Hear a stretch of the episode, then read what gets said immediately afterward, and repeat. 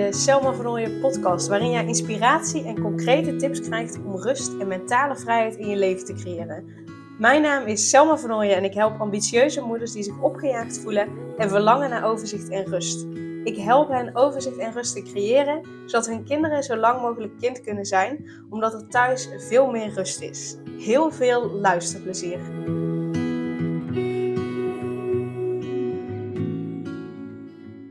En in deze aflevering ben ik in gesprek met Marlies van der Hout van jouw succespraktijk. En zij is de business coach voor kindercoaches, maar ze helpt ook andere coaches. En ze vertelt ook dat er soms ook een andere ondernemer doorheen uh, slipt die ze, die ze helpt. Uh, maar vooral dus ook gericht op kindercoaches. En Marlies vertelt je wat de drie belangrijkste ingrediënten zijn om klanten aan te trekken. En dit heeft dus te maken met wat je te vertellen hebt aan de buitenwereld. Dus welk verhaal je te delen hebt. En Marlies vertelt je wat belangrijk is om daarin te delen, waardoor je dus klanten aan kunt trekken. En daarnaast deelt Marlies zelf ook hoe ze het ondernemerschap en het moederschap combineerde toen haar kinderen jonger waren.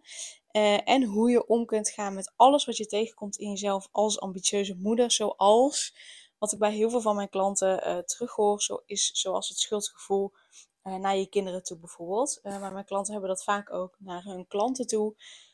omdat ze hen ook niet tekort willen doen. Dus hoe je daarmee om kunt gaan. En um, ja, wat mij betreft is Marlies echt een heel mooi voorbeeld van hoe je ervoor zorgt dat je uh, ja, eigenlijk ten alle tijde blijft voelen of je bedrijf nog bij je past of hoe je je bedrijf hebt ingericht nog bij je past. En hoe je dus op tijd in kunt grijpen als er iets veranderd mag worden. Dus als er iets niet helemaal meer past of als er iemand iets niet, meer helemaal goed voelt voor je. Zodat het wel echt goed blijft voelen voor je. Zodat je energie blijft houden uh, voor je bedrijf en dat je daarnaast gewoon die fijne moeder uh, kunt zijn voor je kinderen. Dus in deze aflevering deelt ze ook hoe ze dat heeft gedaan. Dus uh, volg Marlies ook vooral op Instagram, Marlies van der Hout. de link staat ook in de omschrijving van deze podcast, net als um, de link naar haar website, mocht je willen weten hoe dat Marlies je verder kan helpen. En Marlies heeft ook haar eigen podcast en daarin is ze ook te vinden onder haar eigen naam. Dat is ook Marlies van der Hout. En zij is dus van jouw succespraktijk. Dus heel veel luisterplezier. Marlies, welkom. Super fijn dat je tijd hebt vrijgemaakt om samen met mij deze podcast op te nemen. Um, voordat we zo meteen met elkaar in gesprek gaan, zou je jezelf eerst even willen voorstellen? Dat is natuurlijk ook weer leuk. Dan beginnen we en dan denk ik, oh ja, heb ik niet over nagedacht. Hoe ga ik me voorstellen? Maar ik ben Marlies van der Hout, uh, jouw succespraktijk. Ik uh, begeleid uh, ambitieuze coaches, met, met name kindercoaches, bij het uitbouwen van de praktijk. Dus dat zijn vrouwen die over het algemeen al een praktijk hebben staan, al klanten hebben, nog niet vreselijk veel. En klaar zijn voor die volgende stap, zodat ze echt een praktijk krijgen die lekker bloeit om het maar zo te zeggen. Maar vooral een praktijk die helemaal past bij wie zij zijn. Um, waarin ze werken op een manier die bij hunzelf past, waarin ze geloven. En, um, en met de aller, aller, allerleukste klanten. Dus dat is wat ik doe. Mooi, ja. En waarom ben je dit gaan doen? Want je bent al jaren ondernemer, maar dit is niet wat je altijd hebt gedaan. Dus Waarom ben je dit gaan doen? Ja, nou, ik ben nu um, 12 jaar ondernemer. Ik vind het echt, als ik dat dan hardop zeg, denk ik 12 jaar. Dat is echt gewoon al heel lang. En uh, toen ik begon, uh, had ik, startte ik mijn eigen kindercoachpraktijk. Dus daar is, daar is het linkje met wat ik nu doe. Um, en op het moment dat ik begon met mijn kindercoachpraktijk, uh, ja, ik, ik, ik voelde die passie. Ik wilde gewoon echt zoveel mogelijk kids en ouders helpen om het beste leven ever te krijgen. Ik was er ook van overtuigd dat ik dat kon. En, en ik had een achtergrond als communicatieadviseur. Dus ik was er ook van overtuigd dat ik dat wel uh, van de grond, zou krijgen. En natuurlijk veel sneller dan die twee jaar die iedereen zegt uh, dat je nodig hebt om een bedrijf te starten. Um, maar toen kwam ik erachter dat je eigen communicatie doen toch net even iets anders is dan de communicatie van een ander. Um, maar het is me wel gelukt. Dus ik heb, ik heb inderdaad twee jaar nodig gehad om uh, de boel uh, heel goed op de rit te krijgen. Dus het klopte wat iedereen zei. Um, maar ik zag ook dat er heel veel vrouwen waren die tegelijkertijd met mij waren begonnen. ehm, van, van de opleiding, vanuit de beroepsvereniging. En waarbij dat niet zo lekker liep. En die stelde mij steeds de vraag, Marlies, hoe doe jij dat dan? En eerst dacht ik nog van ja, uh, de, gewoon doen wat je moet doen. Niet, hè, niet te veel zeuren, uh, schouders eronder. Um, totdat ik die vraag wel heel vaak kreeg. En, en ik ontdekte ja, dat ik dus blijkbaar iets deed wat zij niet deden. Of hè, wat ik vanzelfsprekend vond, wat voor hun niet vanzelfsprekend was. Ja, en toen is van daaruit eigenlijk als vanzelf eens een keertje een inspiratiedag voor collega's ontstaan. En dat, nou weet je, dat werkte goed. Er kwam er nog eentje. En voordat ik het wist, is het natuurlijk niet helemaal zo gegaan. Maar bij wijze van spreken, voordat ik het wist, Ehm, was ik volop kindercoaches aan het begeleiden, zodat zij datzelfde succes konden behalen.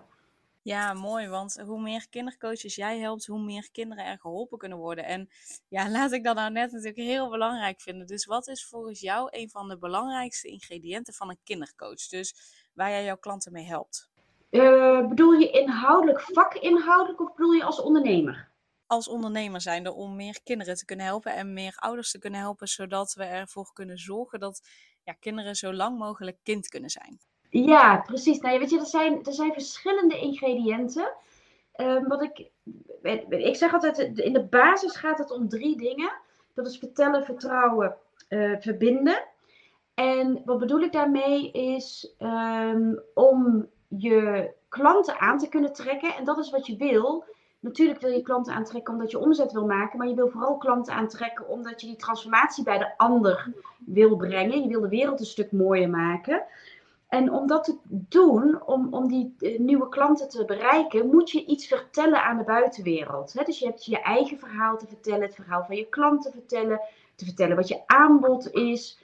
Uh, je hebt jezelf overal en nergens te laten zien. Dus dat is, dat is in eerste instantie. Dat verhaal moet heel erg duidelijk zijn voor jezelf. Voor, voor wie ben ik er? Uh, waarom doe ik wat ik doe? Waarom ben ik degene die bij uitstek deze klant kan helpen bij die transformatie? En hoe doe ik dat dan? Dus dat, dat is het eerste ingrediënt. Het tweede, en ik weet je vraagt van wat is, wat is het ingrediënt, maar het hangt met elkaar samen. Het tweede is vertrouwen. Je moet vertrouwen hebben in jezelf, in de kwaliteit die je hebt als coach. Je moet vertrouwen hebben dat er iemand in de buitenwereld zit te wachten op jouw verhaal. En je moet er vertrouwen in hebben dat het veilig is om jouw verhaal te vertellen. Um, en dat je daarmee niet anderen schaadt. Of dat je jezelf zou kunnen schaden omdat je er feedback op krijgt die je niet tof vindt. En, en dat luistert heel, heel nauw. En als je die twee dingen op orde hebt, dan pas kan je de verbinding, dus dat is de derde, verbinden, de verbinding met je klant gaan maken. Dus het is zoveel meer dan, dan botweg uh, roeptoeteren, joehoe, hier ben ik. Het is ook veel meer dan een hele goede coach zijn. Want dat hoor ik heel vaak. Van, ja, maar ik ben gewoon een hele goede coach en ik ben niet van het ondernemen. Ja, maar wil jij een verschil maken in het leven van anderen, dan zul je naar buiten moeten treden. Dus die, die, die, dat, dat grijpt zo in elkaar. Um, ja, grijpt zo in elkaar. Dus dat zijn echt voor mij de drie basisingrediënten. In welke fase van je bedrijf je ook staat. Ja, om er dus voor te zorgen dat je je klanten kunt aantrekken, zodat je meer kinderen en dus meer ouders kunt helpen. Ja, ja. En dan natuurlijk vooropgesteld, hè, maar daar ga ik dan even van uit. Ik weet dat dat niet vanzelfsprekend is, helaas. Dat je gewoon wel rete goed bent in je werk. Ja, dat is natuurlijk het allerbelangrijkste. Anders kun je die mensen wel binnenhalen. Maar ja, als je ze vervolgens niet goed kunt helpen, dan, uh, dan is dat helemaal zonde. Ja, en de, je, je wil de wereld een stuk mooier maken. Nou, laten we dat dan doen met goed werk leveren. En, um, en ik vind dit ik vind dat een beetje raar om te zeggen, want het, niet dat een volwassen leven mij minder waard is. Dat is niet wat ik zeg. Maar juist bij kinderen um, zo kwetsbaar. En de, ouders geven hun kostbaarste goed aan jou uit handen. Um, ja, weet je, dan moet je gewoon weten wat je doet. En ik zie nog wel eens, um, dit is niet wat je vraagt, maar ik ga, ik ga dat punt denk ik toch even maken. Ik zie nog wel eens gebeuren dat dat mensen een kindercoachpraktijk starten. Ehm, terwijl ze eigenlijk, als ze diep van binnen kijken, ervoor kiezen om met kinderen te werken, omdat ze dat durven. En terwijl ze niet met volwassenen durven te werken. Dus die durven dan ook vaak niet goed die begeleiding van ouders te doen. En dat wil er bij mij niet in. Hoe kan je niet met een volwassene durven werken, maar wel met een kind? Alsof het, de, de transformatie van een kind minder gevoelig is, minder belangrijk is, alsof daar minder mis kan gaan. Nee, weet je, het is juist veel kwetsbaarder. Vele, vele, vele malen kwetsbaarder. Dus nog belangrijker, altijd belangrijk, maar nog belangrijker dat je gewoon dat wat je doet super zorgvuldig doet. En dat je, ja, dat je gewoon rete goed bent in je vak. Ja, dat is een belangrijk punt die je maakt. Ook al was het uh, niet mijn vraag, maar toch vind ik het uh, wel een heel belangrijk punt. Dus dank je wel dat je die noemt. En je noemt ook die drie pijlers. Dus dat waren vertellen, vertrouwen en verbinden. Nou weet ik dat het bij heel veel vrouwen het schort aan, aan vertrouwen. Heb je daarvoor, laten we zeggen, in ieder geval één tip waarvan je zegt, nou, die geef ik het meeste aan mijn klanten om ervoor te zorgen dat ze dat vertrouwen voelen? Ja, nou, ik denk dat, dat het allereerst super belangrijk is dat je even los van patronen en belemmerende overtuigingen die je in de weg kunnen zitten, hè, maar voordat je uh, daar heel hard mee aan de slag gaat, moet je eerst weten wat je nou eigenlijk precies wil. Um, dus je moet je dromen, ik gebruik het woord moeten, uh, heel helder hebben wat je droom is. En die droom is pas de juiste droom als je die in elke vezel van je lijf kan voelen. Los van dat het ook angst oproept. Hè? Van zitten mensen wel op me te wachten. Gaat me dat wel lukken? Zullen ze dan niet denken? Al dat soort gedachten die dan voorbij komen. Wat ik ook veel hoor uh, van vrouwen die bij mij komen, is, uh, zijn afgebrand in het onderwijs. Um, uh, willen dus een, een andere stap maken. Maar zijn hartstikke bang dat ze een tweede keer afbranden. Dus daar zit dan een rem op. Maar los van die dingen, op het moment dat jij precies weet wat je wil, en dat dat echt, dat je dat, weet je, of je dat dan nou je zielsmissie wil noemen, of passie. Nou, ik noem het eigenlijk altijd hè, die, die, die ultieme droom die je hebt. Als die helder is en je weet heel goed waarom je dat wil bereiken, dus dan heb je het over je grote waarom. Waarom vind je dat zo ontzettend belangrijk dat je dat gaat bereiken voor deze groep mensen, of met deze groep mensen en voor jezelf? En als je dat helder hebt, dan is het vele malen makkelijker om um, je vertrouwen te voelen, omdat je weet waarvoor je het doet. Ja, ja. En als je vervolgens er dan achter komt, en want dat gaat ook gebeuren, punt dat, dat je dan toch nog wel onzeker bent en er allerlei ja, miepgedachten zijn, zoals ik ze altijd noem, die je tegenhouden. Ja, dan is de tweede stap gaan kijken van, maar wacht eventjes, welke miepgedachten zijn dat dan? En daarin bloed eerlijk durven zijn naar jezelf. Als je dan weet welke gedachten dat zijn die jouw parten spelen. Hè, wat, wat er, echt steeds kijken, maar wat zit er dan onder? Wat zit eronder? Waar ben ik nou eigenlijk bang voor? En op het moment dat je dat weet, dan kan het twee kanten op. Of je komt er, hè, je ontdekt zo van, nou, dit gaat toch echt helemaal nergens over. Dat klopt helemaal niet. Dan kan je er meestal overheen stappen. Niet altijd, maar meestal kan je er dan overheen stappen. Of je komt erachter dat die gedachte waar is. Dat kan ook. Hè, kom je tot de conclusie, je bent echt niet goed genoeg. Nou, dat is ook goed nieuws, want dan weet je dat je dus nog opleiding moet gaan volgen om wel goed genoeg te worden. Dus ik geloof heel erg in, in, in die stappen. Eerst die droom en vanuit daar dat, dat vertrouwen voelen dan durven aankijken jezelf steeds. En de vraag stellen, hey, wat ik mezelf wijsmaak, is het waar, is het niet waar? Is het wel waar? Nou, tof. Dan ga je daar dus heel praktisch mee aan de slag. Dat oplossen. Klopt het niet, al die gedachten die je over jezelf hebt? Meestal komt dan de shock. Hé, dit spel speel ik niet meer mee met mezelf. Hè? Wat, wat een onzin is dit. Kun je er overheen stappen? En kan je er niet overheen stappen? Ja, dan mag je daar dus naar een Selma. Um, of met, met, met, met iemand waar ik mee werk, of, of de, de, de interventies aannemen die, waar, die ik inzet in mijn trajecten, om uh, daar korte metten mee te maken. Ja, dat is zeker belangrijk. Dus uh, om eerst die droom heel duidelijk te hebben, en zoals ik hem dan interpreteer, is dat dus je motivatie uh, en dat goed zien om er goed mee aan de slag te gaan. Ja, ja weet je, zolang je even heel gechargeerd hè, denkt van, oh, ik zou dat ook wel willen of dat nou een praktijk is of een moestuin. Bij wijze van. Ik heb jarenlang een, een moestuin gehad en heel vaak zeiden mensen: Oh, dat zou ik ook wel willen. In de praktijk deden ze het niet, want ze dachten dat ze dat ook wel wilden, maar hadden daar geen concreet beeld bij hoe dat voor hun zou zijn. Met als gevolg dat die moestuin er nooit kwam, want er was dan altijd iets anders wat meer aandacht en tijd vroeg. En zo geldt dat ook voor je praktijk. Als je um, denkt van, oh, ik, ik wil ook een eigen bedrijf, ik wil ondernemer zijn, ik wil voor mezelf werken, ik wil die vrijheid. Maar je weet niet heel duidelijk waar je naartoe werkt. En je weet niet heel goed, heel scherp, wie de klant is die jij het allerliefste wil helpen. Dan zit je op drijfzand. Dan weet je niet wie je moet aanspreken, dan weet je niet wat je moet vertellen om die klant aan te trekken, weet je niet waar je die klant kan vinden. En dat maakt je super onzeker.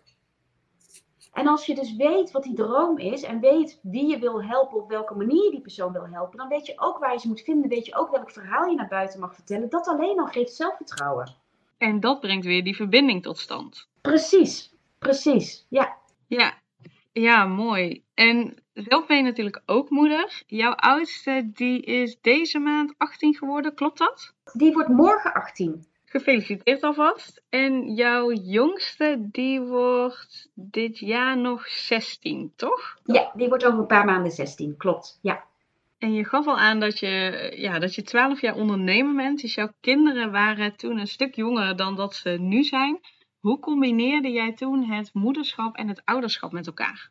Ja, dat is die eeuwige dans, hè? ik, ik geloof niet in dat er iets bestaat als werk-privé-balans.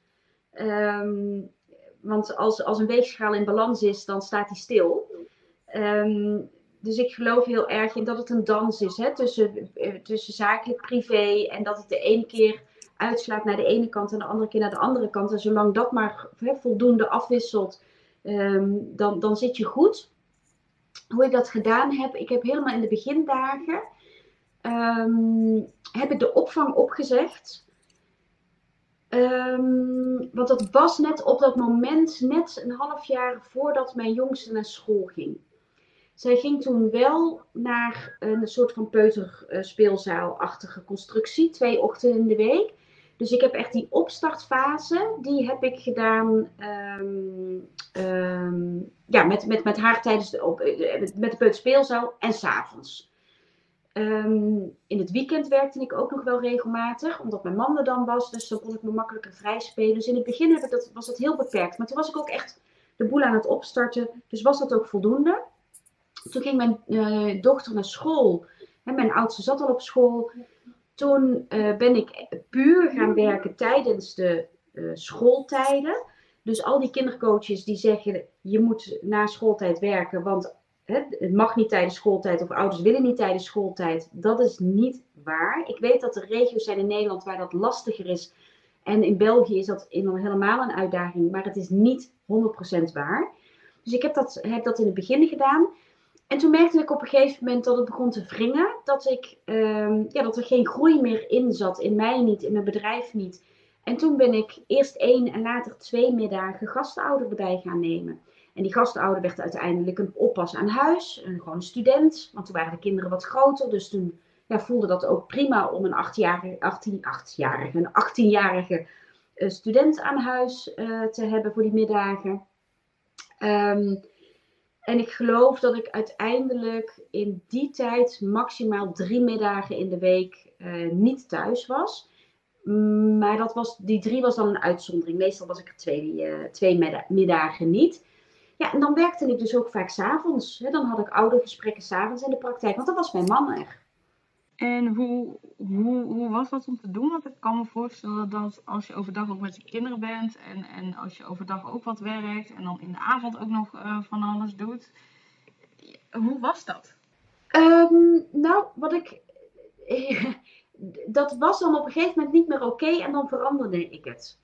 Dus wat ik heel erg gedaan heb, was eerst gewoon maar eens uitproberen en kijken wat er gebeurt. En op basis van die ervaring voelen wat wel en niet paste.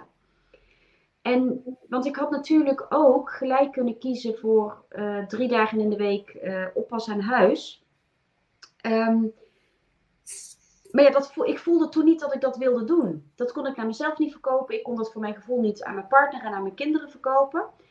En het was op dat moment ook niet nodig. Dus ik heb heel erg vanuit die ervaring steeds van oké, mijn bedrijf groeit.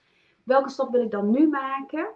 Um, en, en daarop dan mijn keuzes gemaakt. En het eerste dat er afging was die zaterdag. Omdat ik merkte dat ik dan, ik woonde in Leiden, ik werkte in Voorschoten, vijf kilometer fietsen.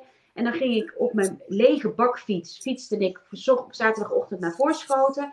Deed ik op de terugweg als ik klaar was in Voorschoten de weekboodschappen. Fietste ik met een volle uh, bakfiets weer terug naar Leiden. Ehm, en op een gegeven moment was ik dat gewoon spuugzat. Ik was het spuugzat. Dus dat was het moment waarop ik besloot, dat ga ik dus niet meer doen. Um, in het begin had ik twee, drie avonden in de week dat ik oudergesprekken voerde. En was, ja, dan kon ik wel eens moe zijn. Maar het leverde ook zo ontzettend veel op voor mijn praktijk en voor mezelf en voor die ouders, dat dat, heel, dat, dat prima voelde.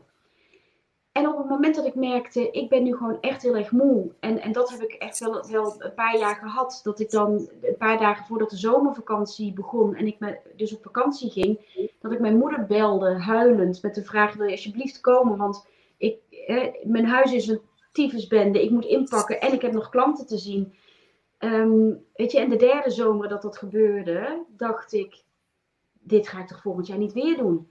Dus he, ging ik nog maar één avond in de week oude gesprekken doen. Dus ik heb het echt heel erg vanuit die ervaring steeds mijn besluiten genomen. En dat was soms, ben ik heel eerlijk in, gewoon echt een pittige.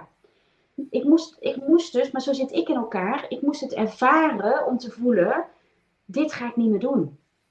Ja, ja en dat, ja, dat kan inderdaad per persoon verschillend zijn. En uh, wat ik je hoor zeggen dus, is dat je iedere keer wel bewust bent gebleven van, oké, wat betekent het nu voor mij? Uh, hoe voel ik me hierbij?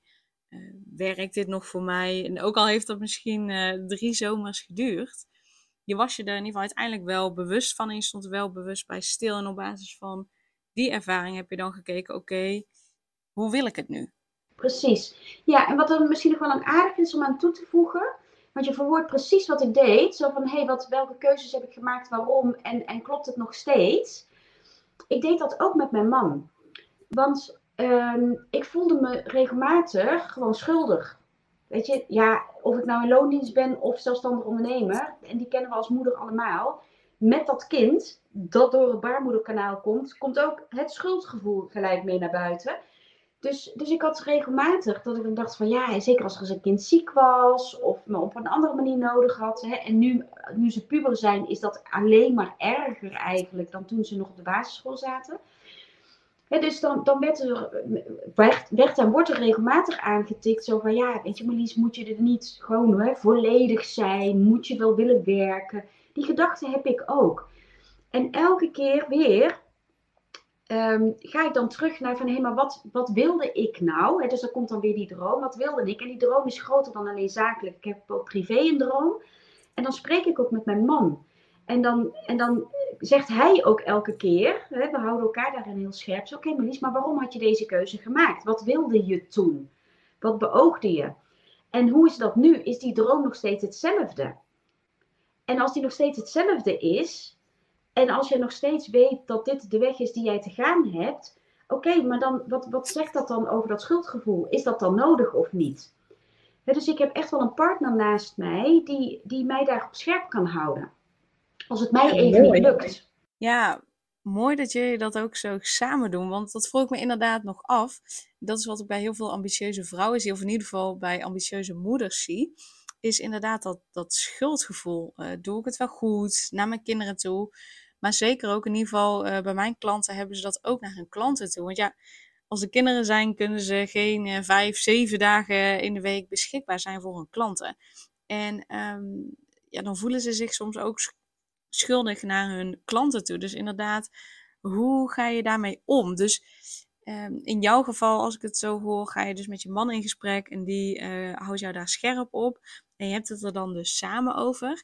Is dat dan jouw manier van daarmee omgaan? Ja, nou, dat is in ieder geval wel de eerste stap die ik vaak maak. En, en als, um, want hij is ook bloed eerlijk, dus hij kan, nou god mijn kinderen ook, want ik bespreek dit ook, weet je. Van de week zei ik, zei ik nog iets, was met mijn event. Ik zei tegen mijn oudste, ik vind het spannend. Hij zei, waarom? Ja, straks vinden ze me allemaal stom. Dus, en, dan, en dan zegt hij gewoon, nou, je praat poep. Denk je nou echt dat er 30 vrouwen stupid kopen? Hè? Want ik had 30 vrouwen in de zaal. En dus ik kan ook, als het over, over schuldgevoel gaat, kan ik dat ook tegen mijn kinderen zeggen. En dan weet ik dat ik een bloedeerlijk antwoord terug zal krijgen. En dat vind ik niet altijd leuk, want het kan ook zijn dat ik dus te horen krijg van ja, ik baal ervan dat je er niet bent die dag. Um, maar Hè, dus dan heb ik iets te doen om, richting, richting mijn kinderen. Op het moment dat zij mij teruggeven, je praat poep, dat is wat ze altijd zeggen tegen mij, je, je praat poep. Ehm, dan weet ik, als dat gevoel dan toch blijft, dan heb ik iets te doen.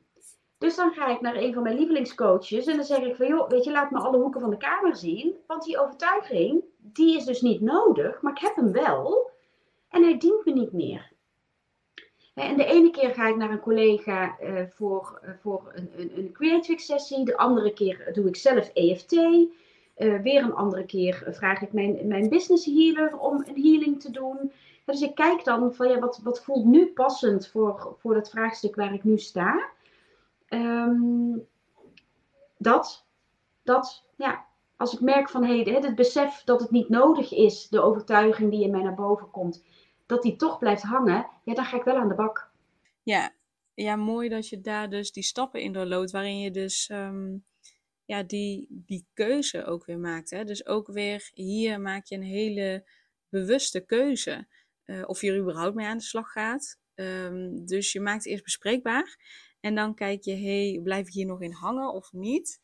Uh, is het nog steeds een issue nu ik het bespreekbaar heb gemaakt? En dan maak je dus een bewuste keuze van oké, wat is de juiste weg hierin om te bewandelen om ervoor te zorgen dat dit opgelost wordt. Ja, precies. Mooi. Mooi. Want wat is hetgene wat jij graag je kinderen mee zou willen geven? Kinderen mee zou willen geven? Ja. Ja, ja dat is ook weer die droom. Dat ze, de, weet je, kinderen leren al zo vroeg af tegenwoordig om vrij te kunnen dromen omdat er zoveel van ze wordt gevraagd. En, ehm, en, en wat ik kun, kinderen gun, is uh, twee dingen. Dat ze zelf, zichzelf durven toestaan om gewoon altijd te blijven dromen. Dat ze, dat, dat ze, de sky is the limit. En dat, datgene waar ze van denken van, oh dat zou ik heel tof vinden. Dat ze het gewoon lekker blijven doen. En, en daarover blijven dromen en blijven najagen los van wat andere mensen daarvan vinden, wat andere mensen daarvan zeggen. Ehm, en ik gun elk kind een ouder die dat kan handelen. En dat klinkt een beetje naar als ik het zo zeg. Maar ehm, ik geloof echt dat als ouders durven hun kind los te laten in, in hun gedachten, in hun wensen, in hun dromen in de stappen die ze mogen zetten om de keuzes te maken die het allerbeste passen bij hun kind, dat ze dan zo, zulke, zulke, zulke mooie kinderen ja, kweken, zou ik bijna willen zeggen. en, dat, en, dat, en, en op alle fronten. En ik las van de week, nou ja goed, het is al een ouder artikel, maar het, het gaat nu in de social media weer eventjes heel veel rond. De slimme kinderen maken domme keuzes, heet het. Ik weet niet of je bent tegengekomen. Maar dat gaat eigenlijk over het maar hoger en hoger en hoger willen scoren in school. dus naar het gymnasium willen, terwijl je een hekel hebt aan talen. Nou, die heb ik bij mij in de praktijk ook heel veel gezien. Maar waarom willen ze dan naar het gym? Omdat dat het hoogst haalbare is. En ik zeg nergens dat je als je, als je kind er heel gelukkig van wordt, dat je niet de ruimte moet geven aan je kind om naar het gym te gaan. Ehm, maar hoe zou het nou zijn als je merkt dat je kind helemaal niet lekker gedijt en hele andere keuzes beter zouden zijn? dat je dat ook toestaat. En, en nu is dit even als het schoolvoorbeeld, um, maar dit gaat over zoveel meer dingen. En jij kan als ouder bedenken dat je het belangrijk vindt dat je kind een teamsport doet, want dat is zo goed voor ze, voor de groepsvorming en voor, weet je, echt. Ik heb twee kinderen die, en, en ik was zelf ook een kind, zet ze op teamsport en ze worden doodongelukkig. Waarom zou je dan kiezen voor een teamsport omdat jij besloten dat het opvoedkundig verstandig is? Laat ze dan gewoon lekker iets totaal anders doen. En misschien is het geen sport. Waarom moeten ze per se sporten? Ik vind beweging ook heel erg belangrijk. Dus ik ben blij dat ik sportieve kinderen heb. Maar als een kind nou echt doodongelukkig wordt van sport. Maar heel gelukkig wordt van, uh, weet ik het, kunstles bijvoorbeeld. Ga dan alsjeblieft je kind dat laten doen. Hè? Dus, dus durf als ouder ook te kijken. We zeggen allemaal, hè, mijn kind mag, mag zijn wie die wil zijn. Het is vaak helemaal niet waar. Ja, de vraag is inderdaad, is dat echt zo? Is dat echt zo? Vind jij nog steeds alle keuzes van jouw kind oké als de hele klas op het hockeyveld staat en jouw kind wil gaan, weet ik het, punniken? Hè? Vind je het dan ook nog oké? En um, vind jij jouw kind ook nog oké als ze thuiskomen met in één keer een totaal andere politieke voorkeur dan jij hebt? En eentje waarvoor je je misschien zelfs wel schaamt. Is je kind dan ook nog steeds oké? En, en dat is wat ik elk kind gun. Dat ze zichzelf helemaal oké vinden, dat ze hun dromen durven najagen, zichzelf al die ruimte durven te geven. En dat ze ouders hebben die hun al die ruimte kunnen geven. Ja, ja, heel mooi. Ik heb hier echt gewoon niets aan toe te voegen. Ehm, waar ik nog benieuwd naar ben, uh, want de meeste van mijn luisteraars die zijn ambitieuze moeders die al die ballen hoog willen houden, die alles perfect willen doen, die dan vaak het gevoel hebben van hey, ja, dat ze het niet goed doen, dat ze iemand tekort doen. Wat zou je tegen deze moeders willen zeggen? Ja, better done than perfect. Kort maar krachtig. Als je het op alle fronten 100% gaat willen, willen proberen te doen, dan faal je altijd. En als je de lat wat lager legt voor jezelf, ehm, en, en moet je per se naar de Efteling uh, om je kind de, meest geweldige dag te geven, of is de speeltuin om de hoek uh, met meegebrachte picknick ook oké? En, en dan een halve in plaats van een hele dag, waardoor jij ook nog ruimte hebt voor je bedrijf. Um, heb je je kind dan niet 100% gegeven? Nou, ik denk als jij heel gelukkig bent met die dag, dat je ook hebt kunnen werken en en niet in de file hoeft te staan en nou, het hele rattenplan, dat je dan meer dan 100% hebt gegeven. Dus, uh, dus dat. En, en moet je per se binnen een jaar je bedrijf, hè, als het om, om een bedrijf gaat, de, de, naar de grootste hoogte getild hebben, moet je per se binnen twee jaar nadat je kinderen geboren zijn ook nog eens die hoogste functie in, binnen jouw bedrijf hebben? Of is een stap in die richting ook goed? Dus uh, dat. Ja, mooi. Heel belangrijk. Het hoeven inderdaad geen grootste dingen te zijn om, om te doen. Ook al ben je een uur samen met je kind. Je bent dat uur heel bewust de tijd met je kind door aan het brengen. En je bent alleen met je kind bezig. En je, je hebt echt genoten. En, en je kind heeft genoten. Of, je kinderen hebben genoten. Dan is dat echt vele malen belangrijker dan naar de Efteling gaan. Of ze het duurste cadeau geven. Of de wildste plannen hebben om samen met ze te zijn. Het, uh, het, gaat ook inderdaad om de kwaliteit. En die kwaliteit hoeft niet groot te zijn. Die kwaliteit kan juist, zit juist net in die kleine dingen. Ja, absoluut. Ik wil een beetje zo richting het einde van de podcast gaan. Uh, maar voordat we daar naartoe gaan, heb ik nog twee vragen voor je. De eerste is: waar kunnen mensen jou het beste volgen? Ja, um, nou ja, mijn website is te vinden onder jouwsuccespraktijk.nl. Ik ben te vinden op Insta, uh, gewoon onder mijn eigen naam. Dus uh, Marlies van der Hout aan elkaar. En op Facebook onder jouw succespraktijk. En um, ik ben zelf wel meer een Insta-meisje dan Facebook. Oké, ik zal in ieder geval de links erbij zetten. Uh, het beste is dus Instagram. En je hebt ook een podcast. Waar vind je die? Ja, precies. Die vind je gewoon onder mijn eigen naam. Marlies van der Hout, jouw succespraktijk. Als je dat intikt in, uh, in uh, Spotify, dan kom ik gelijk naar boven. Als het goed is, ben ik ook te vinden op iTunes en de hele rattenplan. Maar ik doe alles via Anchor en die verspreidt het. En ik, ik, ik kijk nooit waar het nou eigenlijk allemaal precies staat. Ja, dus in ieder geval de podcast onder je eigen naam. En dan ben je het beste uh, te volgen op Instagram. Um, dan nu mijn laatste vraag. Welke laatste boodschap heb je nog voor de luisteraar? Oeh, de laatste, laatste boodschap voor de luisteraar. Ja, dat, dat, ja, ik vind het een beetje een uitgekoude, maar wees niet zo streng voor jezelf. We willen als, als ambitieuze moeder willen we alles 100% doen. Nou ja, dat, dat zeiden net natuurlijk al. En dat kan gewoon niet. En um, dus, dus gewoon niet, niet zo streng. Ja, het, kan misschien wel uitgekoud zijn, maar het is nog steeds zo belangrijk. En het wordt ook vaak ja, er niet echt iets mee gedaan of niet naar geluisterd. Dus het is heel belangrijk om, uh, om alsnog te benoemen. En ja, Marlies, dankjewel. Super dankjewel voor je tijd. Super dankjewel voor je inspiratie en, en voor je expertise.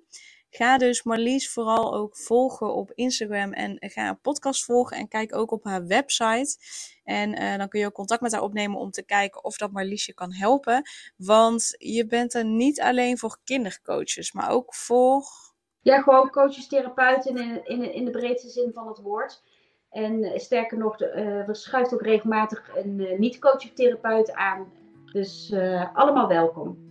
Ja, dus ga dan in ieder geval in gesprek met Marlies om te kijken wat ze voor je kan betekenen. En uh, Marlies, nogmaals dankjewel. En voor de luisteraar, dankjewel voor het luisteren en een hele fijne dag. Super leuk dat je weer luisterde naar een aflevering van de Selma Vernooien podcast. Dank je wel daarvoor. En ik deel in deze outro nog een aantal belangrijke punten. Als eerste is het mijn missie om ervoor te zorgen dat alle kinderen van Nederland zo lang mogelijk kind kunnen zijn. En dat begint bij hoe jij je voelt als ambitieuze moeder. Daarom maak ik deze podcast voor jou en voor je kind of voor je kinderen. Gun je je kinderen dus ook een vrije en gelukkige jeugd, zodat ze zo lang mogelijk speels, vrij, onbevangen en onbezonnen kind kunnen zijn Vraag dan nu mijn gratis e-book aan 8 tips voor ambitieuze moeders om meer rust in je leven te creëren via mijn website www.selmavernooien.nl slash gratis-e-book.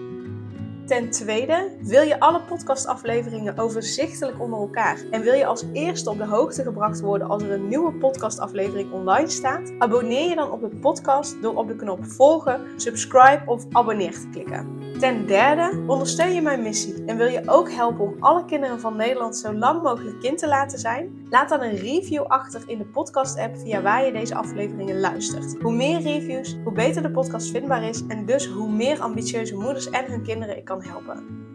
En tot slot, ken je andere ambitieuze moeders voor wie deze podcast interessant zou zijn? Deel dan gerust een aflevering met hen of deel een screenshot van deze aflevering op je social media en tag mij daarin. Wil je mij een vraag stellen of contact met mij opnemen? Dan kan dat via info.selmavernooien.nl of via het Instagram account Selma Nogmaals, super dankjewel voor het luisteren en tot de volgende keer.